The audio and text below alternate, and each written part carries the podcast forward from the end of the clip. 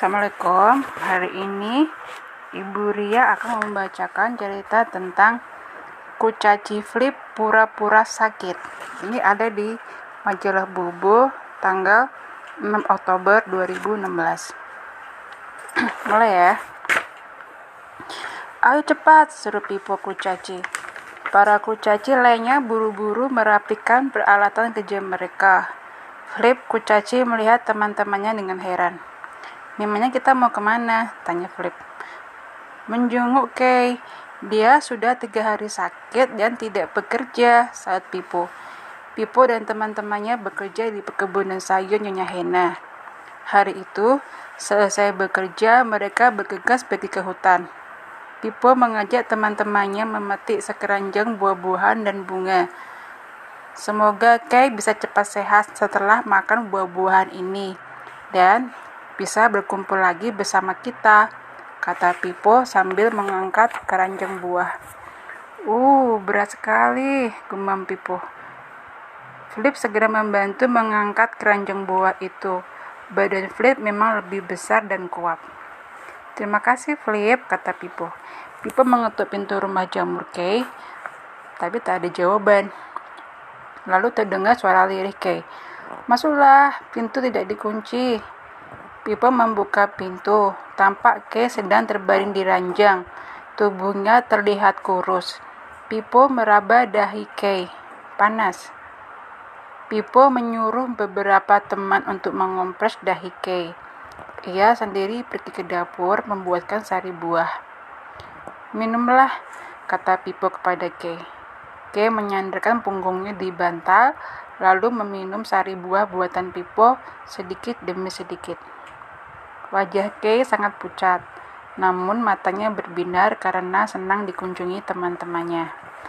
Terima kasih, kalian mau menjengukku. Aku kangen bekerja di perkebunan Nyonya Hena, kata Kay. Teman-teman membantu Kay dengan baik. Ada yang mengupas apel, membersihkan rumah, membuang sampah, dan ada yang memasakkan makan malam buat Kay.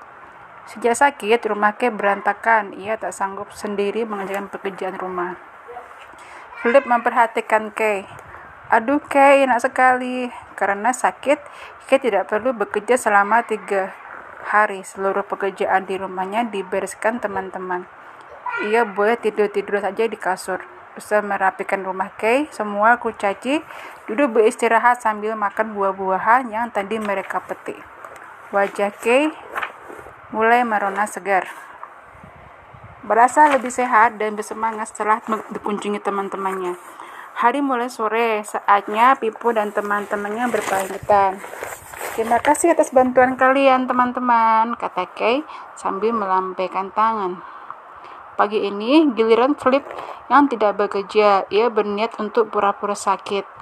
Flip ingin dikunjungi teman-temannya dengan sekeranjang buah dan bunga segar. Philip juga ingin bekerjaan rumah dibersihkan teman-temannya.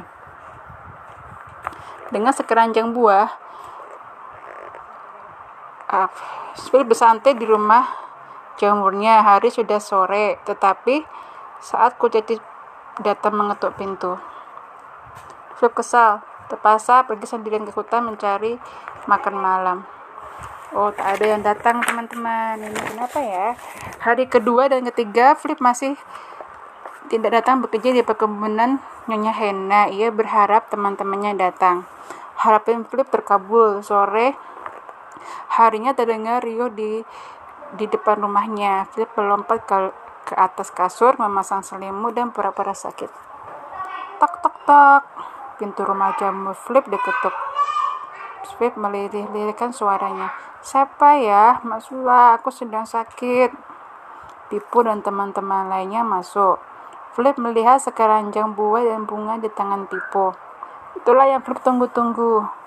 Buah dan bunga. Pipo meraba dahi Flip. Kau tidak panas, tapi bilang kau sakit apa? Tanya Pipo.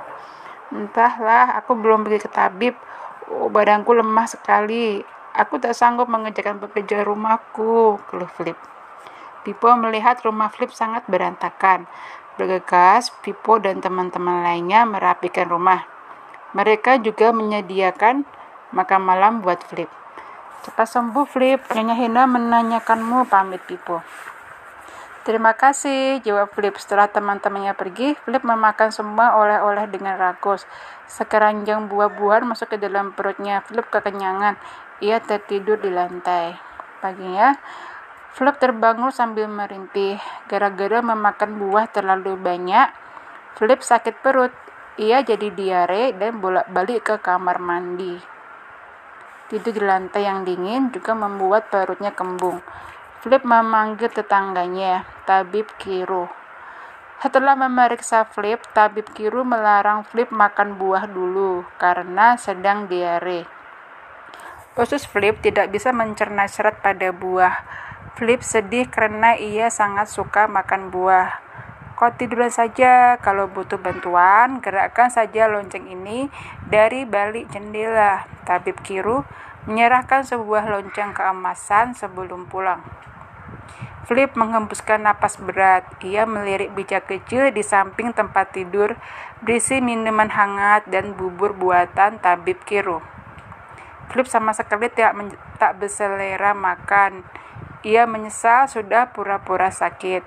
Akibatnya, ia sakit betulan. Tiba-tiba, Flip merasa perutnya melilit lagi. Flip lari terbirit-birit ke kamar mandi. Sakit itu tidak enak kalau Flip. Ia berjanji setelah sembuh, ia akan meminta maaf pada teman-temannya. Selesai. Terima kasih ya. Assalamualaikum warahmatullahi wabarakatuh.